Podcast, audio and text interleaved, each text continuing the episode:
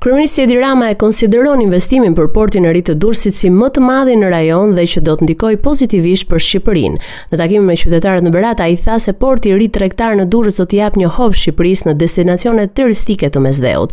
Investimi do të ketë ndikim Sipas tij, edhe në rritjen e pagave. Në këtë pikë, kreu i qeverisë solli dhe shembullin e Malit të Zi, vendi i vetëm, sipas tij, që ka rrogat më të larta në rajon prej disa vitesh. Shikoni se ça ndodh këto ditë. Me investimin më të madh direkt të huaj në rajonin tonë, që është investimi për transformimin e portit tregtar të vjetër ndotës, në mes qytetit të Durrësit, në një port turistik që do të jetë ndër më të mëdhenjtë në Mesdhe. Dhe pse është e rëndësishme? Pse është i rëndësishëm ai port? Edhe për Beratin. Edhe për Korçën. edhe për Tropojën, edhe për Kuksin, për të gjithë. Sepse sepse ai port do të jetë një portë e madhe e hapur e një Shqipërie që do ndryshojë komplet pozicionin në klasifikimin e destinacioneve turistike të Mesdheut dhe duke ndryshuar komplet pozicionin nuk do të jetë atraktive vetëm për të ardhur te porti. Po do të jetë atraktive për të shkuar më thellë dhe për të parë më shumë. Shikoni sot Malin e Zi. Mali i Zi është vendi ende sot me pagat më të larta në rajon. Prej kohësh, prej disa kohësh, Pse Mali i Zi ka pagat më të larta në rajon? Çfarë ka Mali i Zi? Nuk ka ndonjë industri nxjerrëse nuk ka ndonjë prodhim të ri të madh, sepse Mali i Zi ka ndërtuar shumë vite përpara një port që është shumë më i vogël se sa ky që do bëjmë ne, që është shumë më pak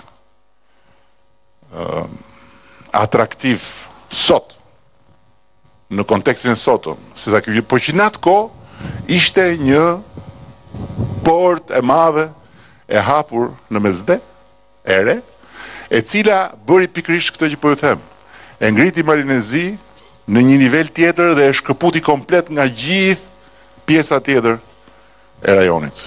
Duke bërë që Përmes kësaj porte të hyjnë turistë që shpenzojnë shumë dhe të hyjnë investime që sjellin shumë më tepër punësim cilësor dhe paga të larta. E njëjta gjë do të ndodhë edhe me portin e Durrësit. Kryeministri Rama u shpreh i vendosur se investimi do të bëhet dhe se do të ketë ndikim në jetën e gjithë qytetarëve. Nga ana tjetër, kryetari i Partisë Demokratike Sali Berisha gjatë mbledhjes së grupit parlamentar ka hedhur akuza ndaj qeverisë për projektin e portit të ri turistik të Durrësit. Sipas tij, Shqipëria nuk ka regjistruar një plaçkitje të tillë të një prone publike ndonjëherë. Sipas Berishës, Rama po shkatërron portin shekullor. Njëmbëdhjetë urdhër arreste kanë çuar në pranga pesë persona të përfshirë në aferën e inceneratorit në Fier, ndërsa gjashtë të tjerë vijojnë të jenë në kërkim pas dyshimeve të prokurorisë se kanë marrë shuma deri në 4 milionë euro për të raportuar punime të pakryera. Nga hetimet ka rezultuar se fillimisht Ministria e Mjedisit ka bërë pagesa në drejtim të shoqërisë koncesionare zotëruar nga Klodian Zoto në shumën e 4 milion eurove, ndërsa Zoto si aksioner kryesor i shoqërisë ka pasqyruar dhe përdorur situacione të falsifikuara për shërbime që nuk janë kryer në këtë vlerë. Mes personave të shoqëruar është dhe Arben Dervishaj, i cili është zëvendëspresident i shoqatës të ndërtuesve dhe numri 2 i FSHF-s. Sipas hetimeve të SPAK, Arben Dervishaj në rolin e mbikëqyrësit të punimeve ka konfirmuar se janë kryer punimet në inceneratorin e Fierit, ndërkohë që nga hetimet e thelluara ka rezultuar që punimet nuk kanë qenë si janë deklaruar prej tij. Gjithashtu, sipas akuzës kanë rezultuar të dhëna se Klodian Zoto dhe disa prej të arrestuarve të tjerë si Arenc Myrtezani, Regan Merdani, Gentian Zifla, Enver Sheshi, Robert Shabani kanë vënë në funksionim edhe skema mashtruese në lidhje me tatimin mbi vlerën e shtuar. Nga hetimi ka rezultuar se nga kreditimi i TVSH-së bërë nëpërmjet faturimeve fiktive i ka shkaktuar dëm ekonomik buxhetit të shtetit në vlerën totale 59915.020 milion lek. Në lidhje me hetimet për inceneratorin e Fierit në burg është edhe ish-ministri i Mjedisit Lefter Koka, ish-sekretari i përgjithshëm i kësaj ministrie Alqi Bllako. Pas debateve në sallën e Kuvendit Sali Berisha doli jashtë tij dhe në një reagim për mediat e konsideroi parlamentin monist. Ai dënoi gjuhën e përdorur nga kryeministri një javë më parë dhe vendimin e parlamentit për të përjashtuar dy deputetët demokratë Paloka dhe Leskaj. Berisha tha se parlamenti është transformuar në një institucion që vendosin grupet kriminale ku merren vendime në interes të këtyre grupeve kriminale. Kryetari i Partisë Demokratike gjatë një prononcimi për gazetarët foli edhe për protestën e radhës që do të zhvillojë opozita. Ai nuk caktoi datë dhe vend, por tha se do të vendoset brenda dy ditëve. Gjithashtu, Berisha u pyet nga gazetarët dhe se çfarë nënkupton kur thotë që do të vijnë qytetarët shqiptarë të përcjellin disa mesazhe konkrete tek parlamenti.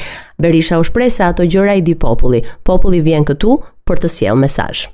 Aktiviteti për festën e 110 vjetorit të pavarësisë do të kulmojë me koncertin e këngëtares shqiptare me famë botërore Dua Lipa. Dhe Dua e ka ndarë lajmin me anë të një video mesazhi, me këtë lajm e ka nisur mbledhjen e Këshillit Bashkiak Erion Veliaj, i cili u shpreh se ky koncert i mirëpret falas të gjithë.